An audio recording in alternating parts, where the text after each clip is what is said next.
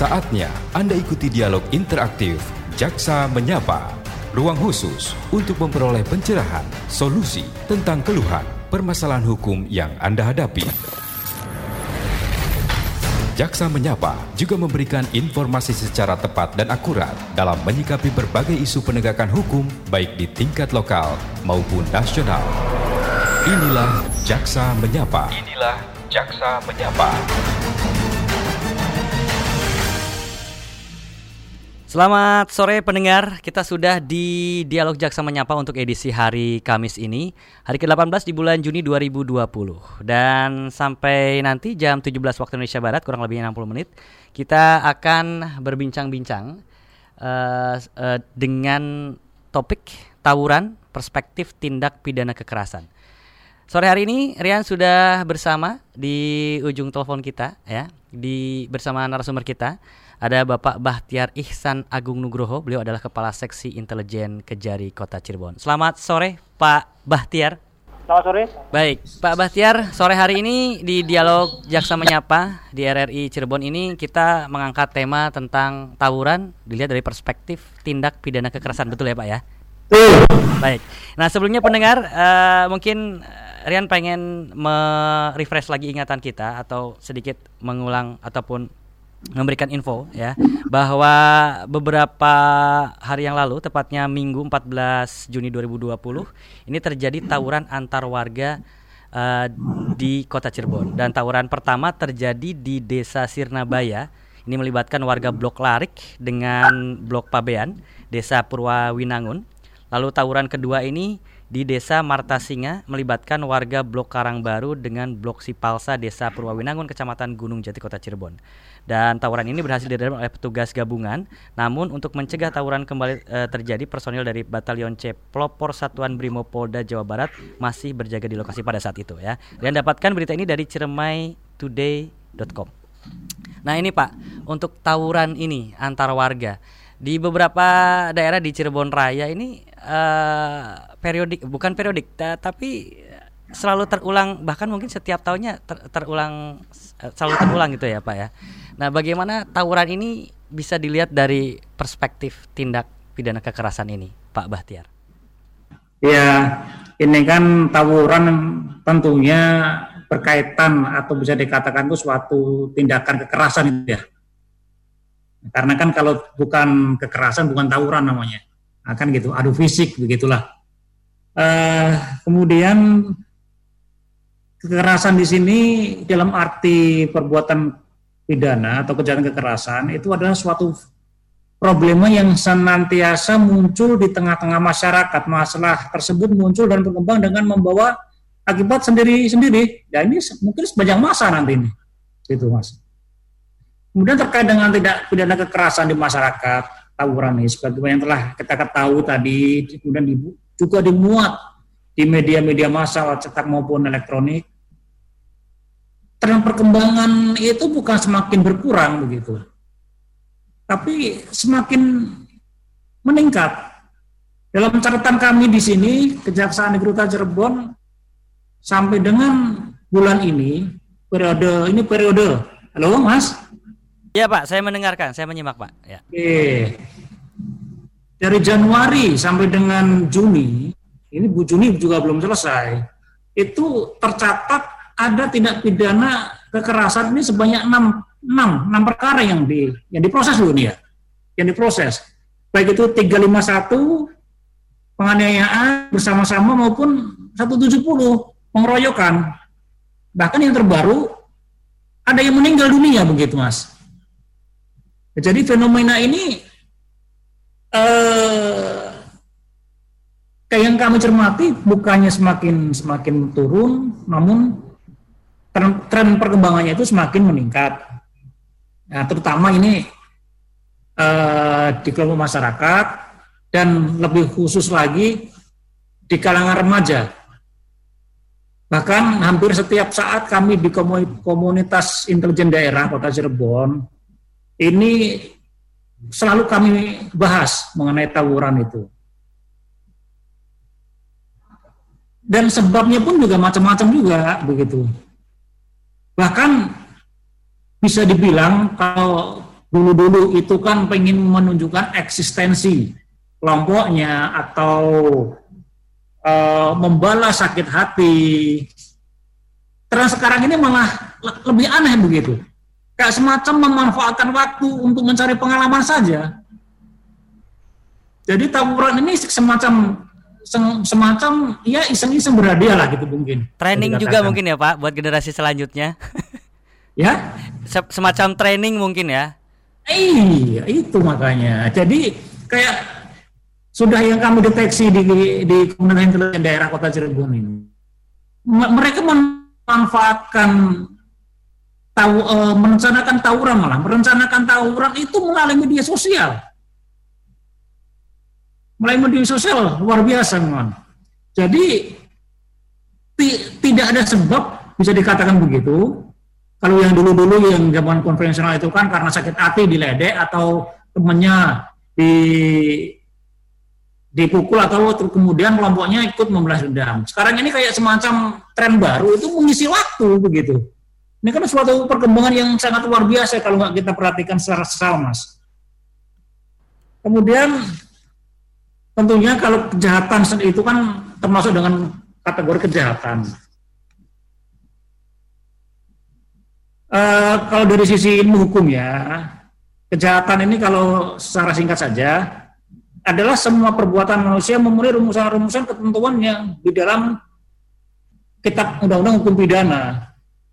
Nah, kalau kita cermati di kitab undang-undang hukum pidana ini kan mengatur mengatur hal-hal mengenai mengenai kejahatan itu di ada tiga bab di sana. Bab lima itu kejahatan terhadap ketertiban umum, Kemudian bab yang bab 19 itu terhadap kejahatan terhadap nyawa. Yang bab ketiga ini bab 20 penganiayaan. Ini terkait erat dengan dengan peristiwa tawuran tadi, Mas. Halo? Iya, Pak. Iya. Oke. Contohnya ini kalau kejahatan terhadap ketertiban umum nih. Hmm. Suatu pengeroyokan pengrusakan. Ini kan dalam konteks unsur pasalnya kan secara bersama-sama menggunakan kekerasan terhadap orang maupun barang. Jadi subjeknya ini bukan cuma orang, bisa barang juga, bisa rumah mungkin rumah dilemparin bersama-sama dengan uh, kelompok kelompok masyarakat, kelompok remaja begitu. Itu kan sering sekali Mas ya. Aktivitas vandalisme berarti ya, Pak ya?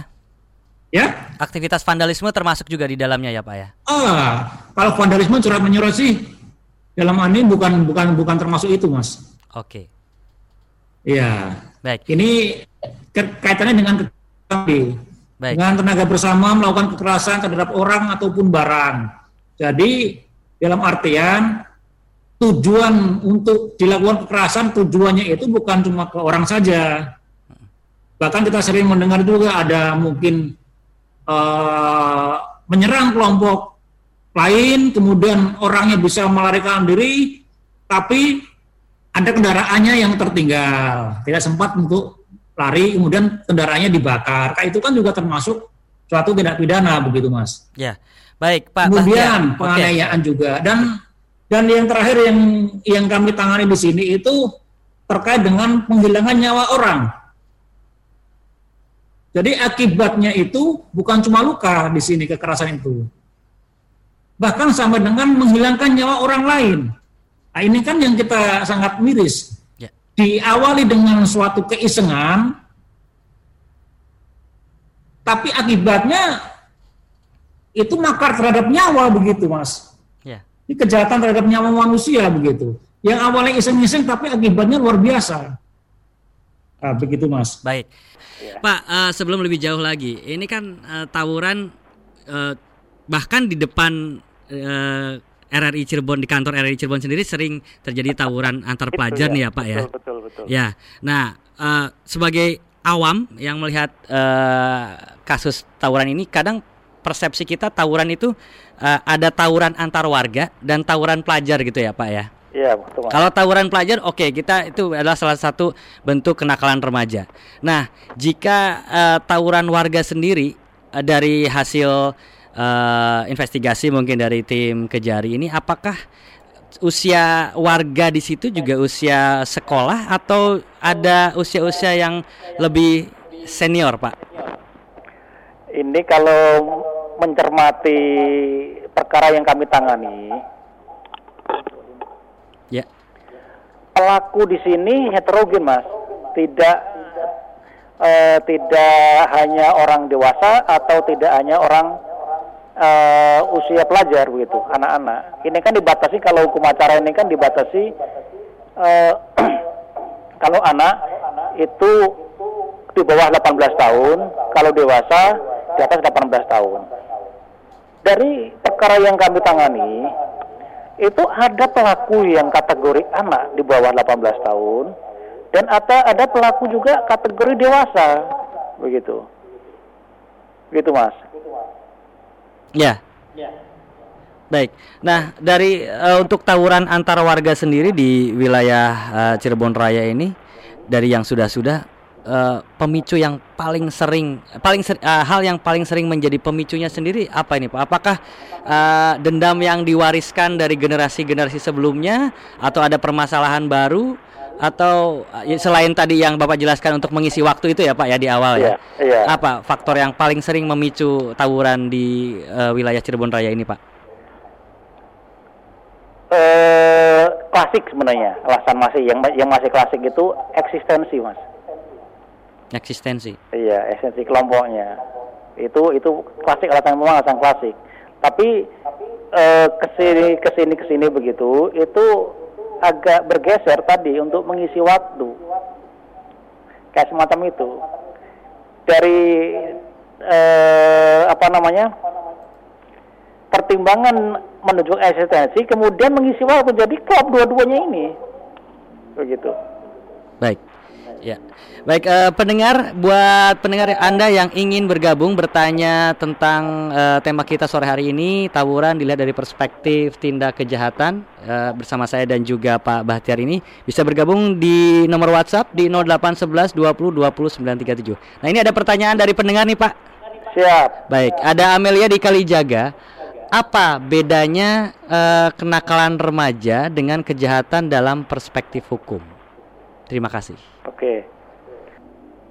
Jadi gini, eh, contohnya kalaupun semacam kenakalan, dia masuk ke suatu geng. Beberapa tahun yang lalu itu ada suatu geng motor terkenal gitu, bahkan sampai viral. Itu masuk ke situ se- eh, sebelum di, eh, mau diakui sebagai anggota itu kan di semacam ada pendadaran dulu, digojok dulu, harus berkelahi dulu gitu kan mas? Ya. Ya, itu selama masih dalam kapasitas tidak ada akibat, ya itu bisa masih bisa dikatakan kenakalan remaja. Tapi kalau sudah menimbulkan akibat, mereka di, disuruh oleh senior seniornya contohnya itu untuk beran, ber, ber, berkelahi, menyerang kelompok lain. Ada akibat hukumnya itu apakah dari sisi barang itu ada kerusakan atau dari sisi manusianya itu ada ada mengalami akibatnya luka atau bahkan kehilangan nyawa itu sudah bukan kategori kenakalan lagi itu sudah suatu ketidakpidana kejahatan begitu. Ini kita lihat dari dari akibatnya mas gitu. Baik. Nah, bagaimana kalau misalkan eh, dua kelompok, eh, yang satu menyerang dan yang satu otomatis kan aktif dan pasif gitu ya Pak ya. Ya, yang satu menyerang, betul. yang satu diserang. Nah, untuk pihak yang diserang ini apakah juga bisa dimasukkan pada unsur kejahatan ketika mencoba untuk mempertahankan diri tapi akhirnya memang bentrok-bentrok juga gitu Pak? iya iya baik itu bagus sekali pertanyaannya kalau dari tadi ada dua kelompok ada yang menyerang ada yang diserang di dalam hukum pidana itu ada suatu eh, pemaafan kalaupun ada suatu perbuatan pidana di sana. Contohnya dia diserang, dia tidak bisa menghindar lagi, dia membela diri. Dalam pembelaan dirinya itu mengakibatkan pihak penyerangnya itu sampai ya meninggal dunia lah contohnya Iya, begitu. Iya. Itu namanya overma. itu tidak tidak akan tidak akan dibenar ada pemaafan di sana. Dalam artian dia tidak bisa menghindar, dia tidak bisa melarikan diri kalau dia tidak istilah tadi mohon maaf membunuh, dia pasti akan mati dibunuh. Ah, begitu. Asal asal ini ini tentunya kan uh, dinilai dari mensrea niatnya, Mas. Oke. Okay. Nah, niatnya begitu. Baik, baik. Ya, baik. Ini kembali ada yang bertanya di nomor WhatsApp di 0811 20 20 937. Ada ya. Rudi di Klayan. Sebenarnya kejadian demi kejadian di daerah Cirebon Utara ini bukan kali ini saja dan biasanya dipicu oleh hal sepele. Uh, kok terulang lagi? Kok terulang lagi dan terulang lagi? Apakah para penegak hukum ini tidak serius dalam menangani kasus tersebut? Ah, terima kasih. Tadi Mas siapa? Mas Rudi di Klayan, Pak. Mas Rudi, terima kasih. Ini mungkin juga uh, masukan untuk kami juga untuk lebih ya kami sudah serius untuk menangi menangani perkara-perkara kekerasan ini. Tapi juga sebenarnya tanggung jawab tanggung jawab penanganan atau masalah klasik namanya tawuran ini bukan bukan hanya dari sisi aparat penegak hukum saja tentunya. Tentunya kan lebih kita mengedepankan harus kita kedepankan itu sisi preventifnya pencegahannya nah, kalaupun nanti kami juga di sisi kalau dari si intelijen ini kan uh, tupoksi kami, tugas pokok dan fungsi kami itu kan memberikan penyuluhan hukum di sana. Ada kalaupun contohnya ini ada tawuran-tawuran, barangkali nanti kami petakan ada suatu daerah yang memang sering terjadi tawuran, kami akan mencoba masuk ke sana untuk mengumpulkan tokoh-tokoh masyarakat setempat, kami bisa memberikan penyuluhan-penyuluhan hukum, dampak-dampaknya, kemudian ada aturan-aturan hukum yang mana bila dilanggar aturan hukum itu terkait dengan tawuran atau kekerasan akan menimbulkan hukuman begitu mas. Insya Allah nanti kami juga akan lebih lebih mengedepankan sisi preventifnya juga selain represi penegakan hukumnya gitu mas.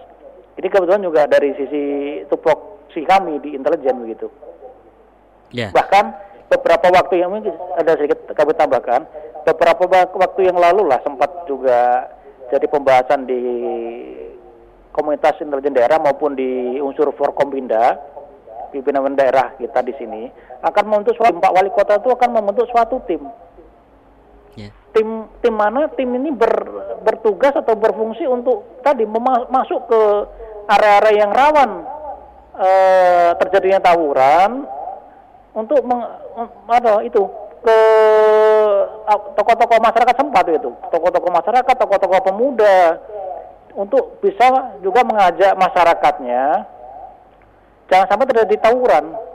Pengertian-pengertian itu memang harus kita kedepankan sisi pencegahannya itu, Mas. Okay. Jangan sampai baru ada korban baru kita bergerak itu. Baik. Gitu, Mas. Ya, menyambung dari uh, pertanyaan Rudi di klien ini nih, Pak ya. Bahtiar. Ya. Ketika uh, langkah preventif dilakukan dengan sosialisasi, mendatangkan tokoh-tokoh uh, di tempat yang sering terjadi tawuran, tapi akhirnya terjadi lagi dan terjadi lagi, apakah ini uh, pihak uh, Intel ini bisa me mendeteksi ada yang tidak efektif dari langkah preventif ini? Apakah uh, dipelajari lagi? Apa langkah yang lebih efektif nantinya sehingga tidak terjadi lagi? Atau ada faktor ketika sudah dipegang uh, ke kepalanya gitu ya tokoh-tokohnya yeah. tapi terjadi lagi apa temuan dari tim uh, intelijen kejari ini? Uh, apa ada yang salah dalam hal tersebut gitu Pak? Tentu uh, tentunya gini Mas. Kami kan tidak tidak bekerja sendiri dan kami juga tidak bisa bekerja sendiri yeah. kami bukan Superman begitu yeah. dalam hari ini kami juga bekerja sama dengan komunitas intelijen daerah, dengan rekan-rekan komunitas intelijen yang lain, dan sudah sering kali kami bahas mengenai itu. Bagaimana sih langkah-langkah, langkah-langkah yang bisa untuk mencegah terjadinya tawuran itu? Itu sudah sering kali kami bahas. Namun demikian juga perkembangan eh, latar belakang latar belakang tawuran ini juga akan semakin berkembang juga begitu. Tentunya juga kami juga tidak tidak akan berhenti dalam hal uh, pencegahannya. Walaupun nanti dari sisi represifnya juga kami kami lakukan. Gitu. Jadi ya harus ada pemahaman bersama begitu. Dan tentunya juga tidak bisa dari aparat saja yang yang apa namanya itu untuk bekerja dalam sisi pencegahan, kami juga mengharapkan bersama-sama dari sisi aparat, tokoh-tokoh masyarakat, tokoh-tokoh pemuda, bahkan mungkin jadi kalangan-kalangan pers juga bersama-sama untuk mencegah itu begitu gitu mas. Baik, ini ada tanggapan serupa mungkin ya senada ya Pak ya yang ya. Uh, masuk di WhatsApp kami dari Pak Cakra di Cirebon.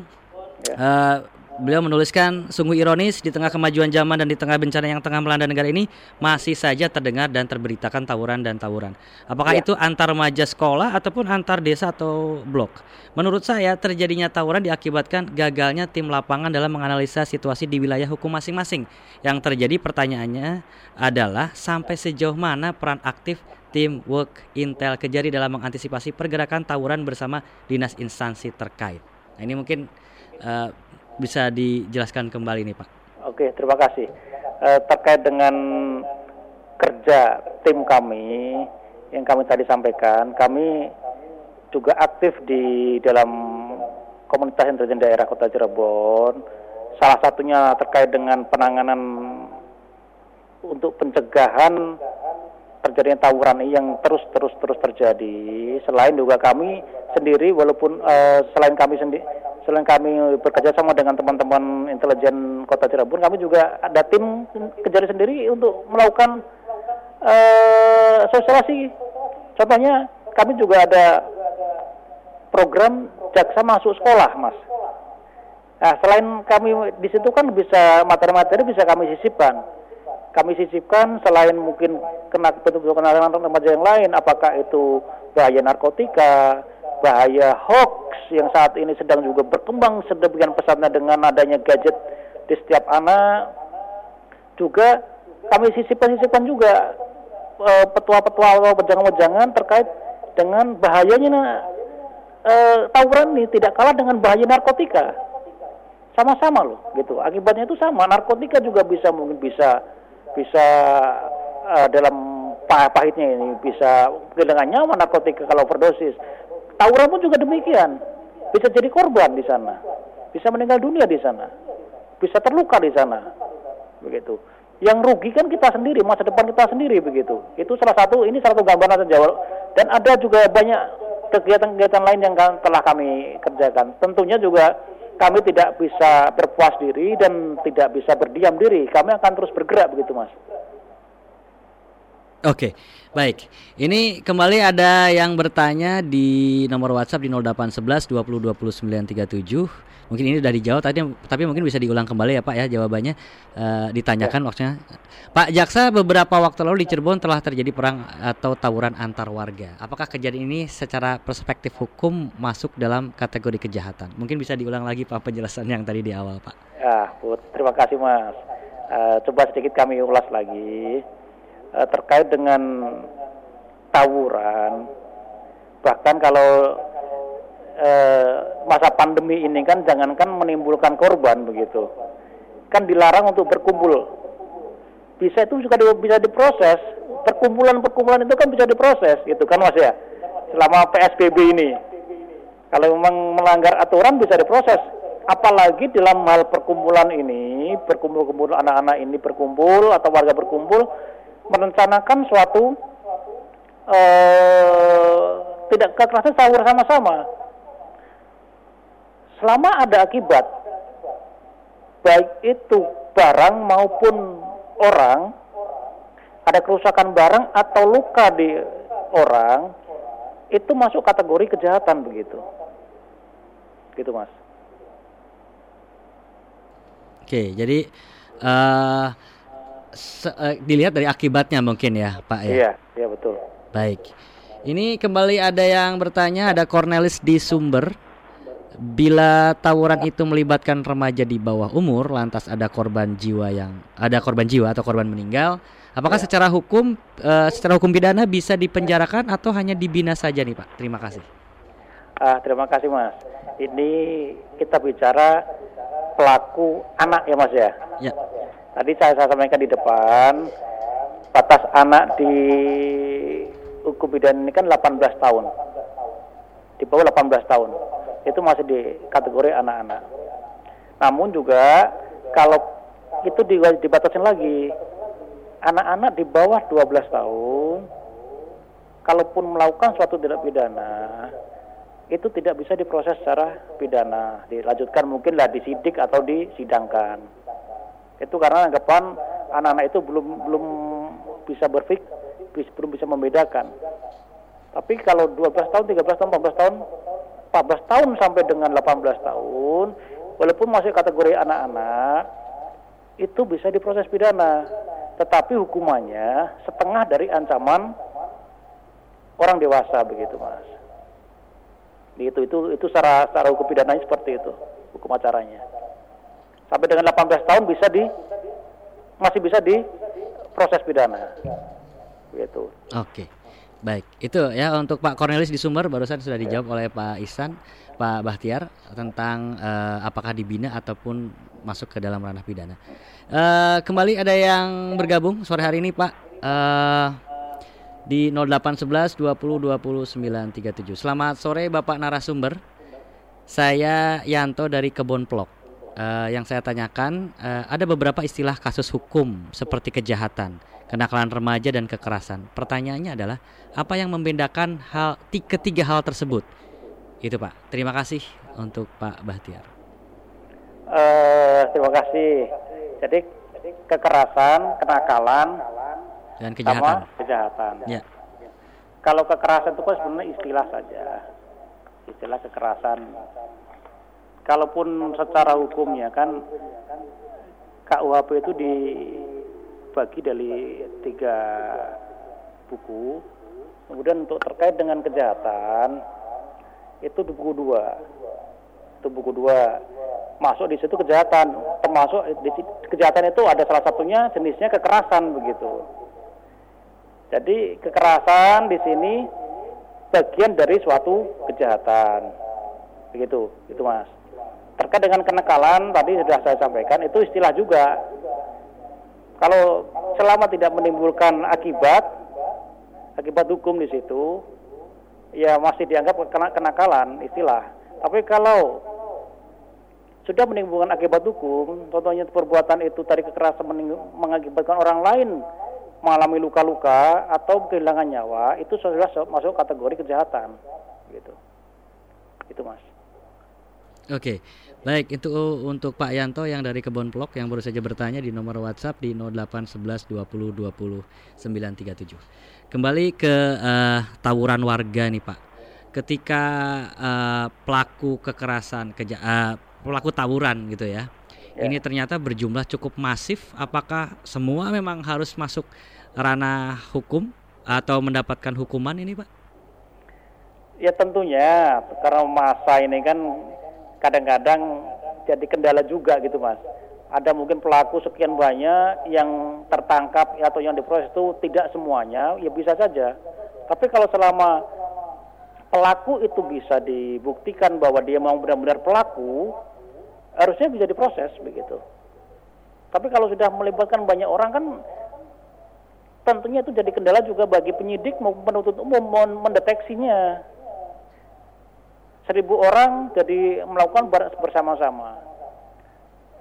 Saya rasa juga untuk menindak seribu orangnya juga perlu perlu ketelitian begitu, begitu mas. Dan ya yang yang sering terjadi sih uh, dari sekian banyak itu yang bisa terdeteksi saja orang-orang itu melakukan tidak pidana dengan minimal dua alat bukti bahwa benar si pelaku itu benar-benar melakukan tidak pidana jadi tidak tidak bisa oh dia ada di sana pasti dia melakukan tidak pidana begitu jadi tidak tidak bisa semacam asumsi saja mas asumsi ini kan kalau orang di situ pasti melakukan tidak pidana kan nggak bisa seperti itu yeah kita melihat kita mengerti bahwa si A itu ada di situ, ada di tempat kejadian. Tapi juga harus ada orang dan bukti yang lain bahwa si A itu juga melakukan sesuatu dan pidana. Begitu, Mas. Oke. Baik. Ya. Uh, nah, Pak, uh, apakah di ketika kita membicarakan tawuran antar warga gitu.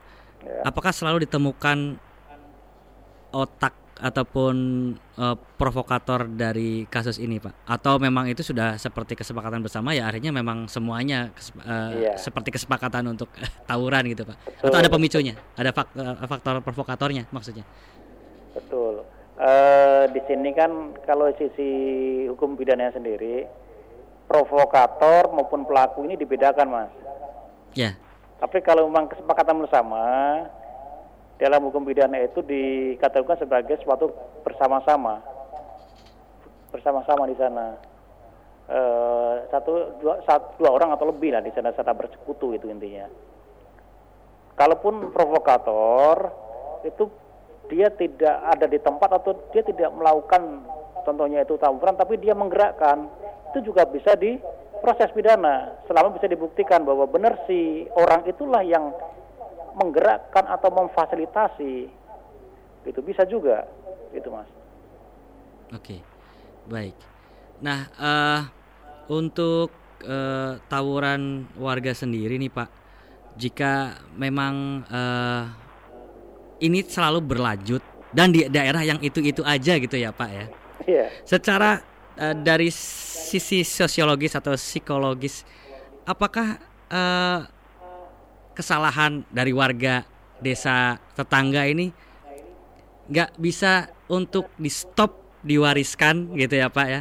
Atau kenapa warga kita menjadi warga yang selalu uh, menyimpan dendam gitu dari sisi sosiologis atau psikologis menurut Bapak pribadi dari Bapak Bahtiar Isan ini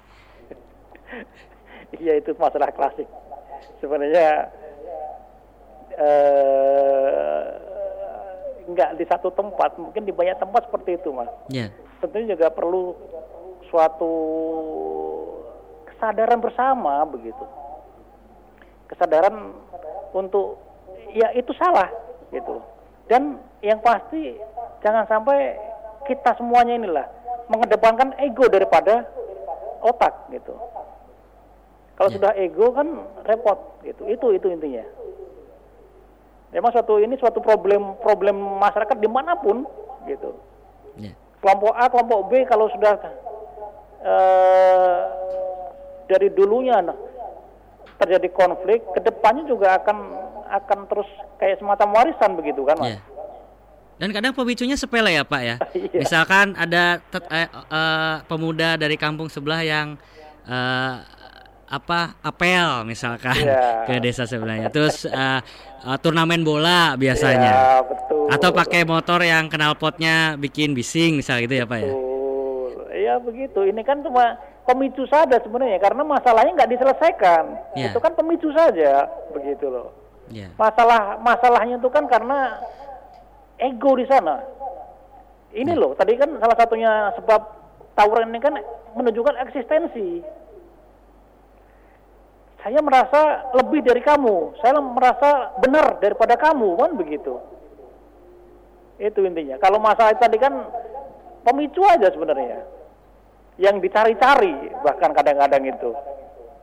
Begitu, Mas. Ya. Yang menarik tadi dari temuan uh, seksi intelijen kejari kota mungkin uh, yang di awal tadi Bapak bilang uh, tren baru uh, tawuran ini adalah ya. untuk mengisi waktu. Ini bisa dijelaskan mungkin Pak lebih lebih detail lagi mengisi waktu mengisi waktu seperti apa sebenarnya Pak?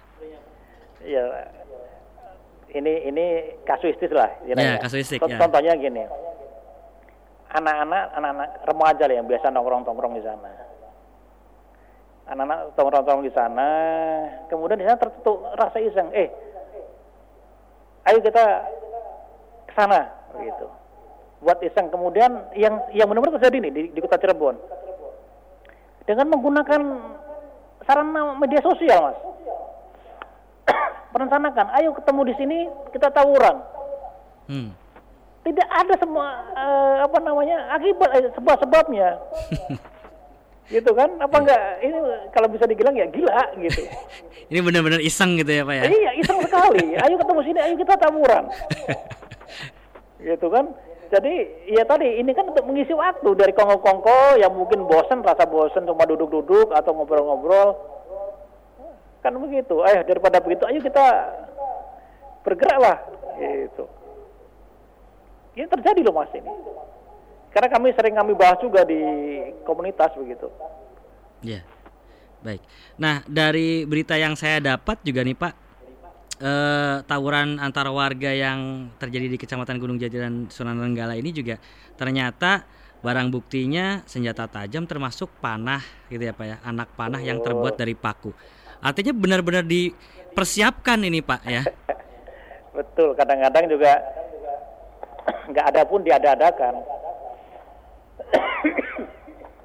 ya, contohnya gini, uh, dengan dalih untuk menjaga diri, ketika kelompok ini mau bergerak, merencanakan sesuatu, alat-alat ada yang ada di dapur pun istilahnya bisa dibawa gitu. Kalaupun sempat ya mereka persiapan, makanya ada tidak pidana lain ini mas yang menyertai menyertai eh, KUHP tadi pasal-pasal 170, 351 dan sebagainya itu. Kalau orang-orang ini kelompok-kelompok masyarakat ini ada kalangan remaja ini ketika tawuran membawa senjata tajam, ada pasal yang lain juga begitu. Ada undang-undang lain juga yang mengatur di sana. Yaitu undang-undang darurat nomor tahun eh, tahun 12 tahun 1951 ada jadi ada ada juga tidak pidana yang lain menyertai selain kekerasan itu sendiri. Bila mereka membawa senjata tajam apalagi membuat senjata api itu seumur hidup ancamannya mas. Ya gitu. Baik. Ya dan uh, uh, dari apa dari definisi yang saya dapatkan di sini nih Pak uh, soal kekerasan ya. Di antaranya bentuknya adalah pengerusakan barang, penganiayaan terhadap hewan atau orang, melemparkan batu-batu kepada orang atau rumah, membuang barang-barang hingga berserakan dan lain sebagainya. Nah, ya. kerugian-kerugian ini apakah memang dibiarkan menjadi kerugian atau ada pihak yang menanggung sejauh ini, Pak? Ah, terima kasih, Mas terkait dengan akibat berarti ya? Ya, akibat. Iya, dalam penanganan tindak pidana dimungkinkan apa ada, ada semacam asas restoratif justice. Jadi memulihkan kerugian yang yang timbul, memulihkan kerugian yang yang dialami oleh si si korban itu dimungkinkan, Mas. Tentunya kalaupun diproses itu akan menjadi faktor yang meringankan hukumannya begitu. Jadi kalaupun ada si A si B melakukan tidak pidana pengusakan, kemudian si A mengganti kerusakannya, si B tidak, kan tidak mungkin hukumannya juga sama, begitu mas. Kalau yang satu sudah sudah kerugian itu sudah selesai kalau tidak ada, yang satu masih ada kerugian yang cukup besar gitu kan. Itu tentunya itu dimungkinkan untuk untuk dipulihkan kerugiannya. Bahkan dalam hukum acara pun sendiri dimungkinkan gugatan bersama-sama ketika gugatan kerugian ganti kerugian di, ketika proses persidangan itu terjadi begitu mas. Baik baik. Uh, sekali lagi buat pendengar yang ingin bergabung bertanya seputar tema kita sore hari ini yaitu uh, tawuran dilihat dari perspektif tindak pidana kekerasan bersama Pak Bahtiar Ihsan Agung Nugroho SHMH ini Beliau adalah Kepala Seksi Intelijen Kejari Kota Cirebon. Boleh bergabung di nomor WhatsApp kami di 0811 20 20 937. Untuk tawuran sekolah nih Pak. Ketika mungkin dari pihak Kejari uh, sosialisasi ke sekolah-sekolah dan ternyata sekolah tersebut tetap uh, apa muridnya terlibat lah uh, beberapa kasus tawuran gitu. Sebenarnya apakah perlu diberikan uh, sanksi yang sangat memberatkan untuk murid-murid pelaku tawuran ini. Terlepas dia adalah uh, provokator penggerak gitu ya ataupun juga eksekusi di lapangan untuk udahlah uh, mendingan dikeluarin saja dari sekolahan. Apakah perlu hukuman uh, seberat itu Pak Bahtiar? Terima kasih Mas. Uh, penanganan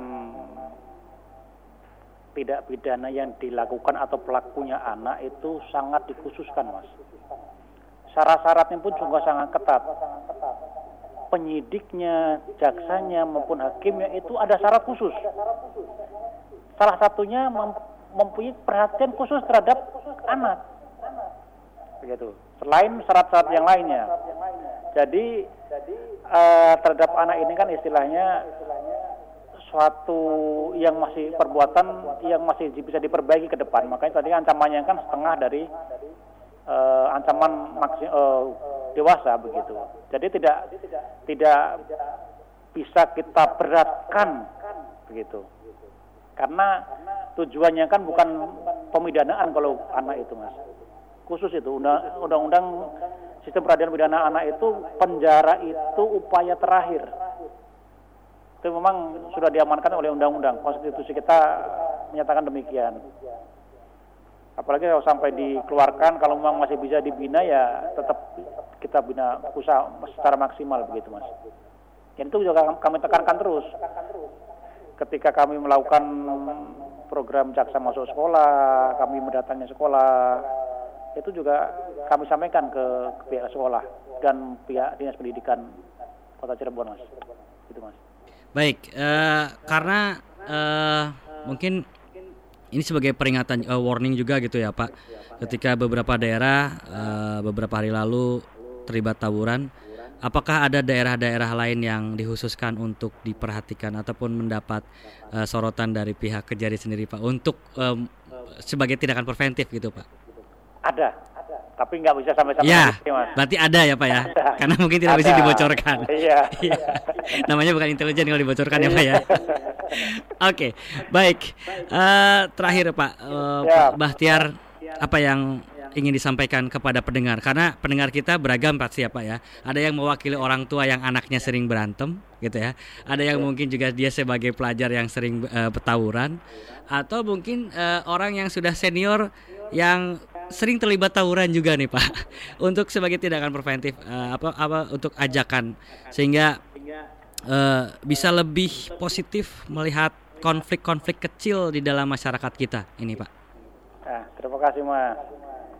Ya kebetulan saya juga sudah punya anak walaupun masih kecil mas. Ya. Tadi kan disampaikan orang tua yang anaknya kemungkinan terlibat dalam tawuran itu. Itu sangat luar biasa kekhawatiran orang tua itu mas. Karena dampaknya kan tadi hampir sama dengan narkotika loh ini. Bisa kerusakan badan, bisa kehilangan nyawa di sana. Itu selalu kami tekankan kalau kami menyampaikan sosialisasi ke sekolah-sekolah. Jangan sampai Jangan sampailah anak-anak adik-adik kita ini, anak-anak kita ini terlibat dalam hal narkotika dan ikut-ikutan tawuran gitu. Ya, dari pemahaman-pemahaman ini bahwa tawuran itu bisa menimbulkan akibat, baik itu tadi kerusakan jiwa, kerusakan barang, kehilangan nyawa, dan pelakunya bisa juga dihukum. Kalau kita menyadari itu, uh, ya kita harapkanlah kalau masyarakat semuanya ini bisa mengenali hukum tadi terkait dengan tawuran, diharapkanlah masyarakat bisa menjauhi hal-hal tersebut. Sehingga dapat kan dapat menjauhi hukumannya begitu. Gitu mas. Kita mengenal hukum supaya kita menjauhi hukumannya. Gitu. Itu mas. Mungkin harapan saya. Oke, baik. Pak Bahtiar, terima kasih waktunya sore hari ini. Kita ngobrol-ngobrol di Dialog Jaksa Menyapa. Terima kasih. Mudah-mudahan ini juga menjadi hal yang menyadarkan ya obrolan kita nih ya Pak ya, biar ya, ya, ke depannya amin, amin. tidak lagi terjadi tawuran-tawuran baik tawuran amin. warga ataupun tawuran pelajar ya Pak ya. Amin, amin, amin. Terima kasih Mas. Baik, terima kasih Pak Bahtiar, sehat selalu untuk Pak Bahtiar dan amin, jajarannya. Amin, sama-sama. Baik, terima kasih. Sukses semuanya. Baik, terima kasih. Ya, dan pendengar demikian tadi obrolan kita bersama Pak Bahtiar Ihsan. Beliau adalah uh, Pak Bahtiar Isan Agung Nugroho SHMH. Beliau adalah Kepala Seksi Intelijen Kejari Kota Cirebon. Dan sekali lagi mudah-mudahan saya ini adalah obrolan yang bisa memberikan hal yang positif untuk kita, ya, untuk tidak lagi uh, mendengar kasus-kasus tawuran di wilayah Cirebon Raya. Dan pastikan terus bersama kami pendengar di RRI Cirebon Radio Tangkap Bencana COVID-19. Terima kasih Anda telah mengikuti dialog interaktif Jaksa Menyapa Partisipasi Anda membantu meningkatkan dukungan dan kepercayaan publik terhadap institusi penegak hukum.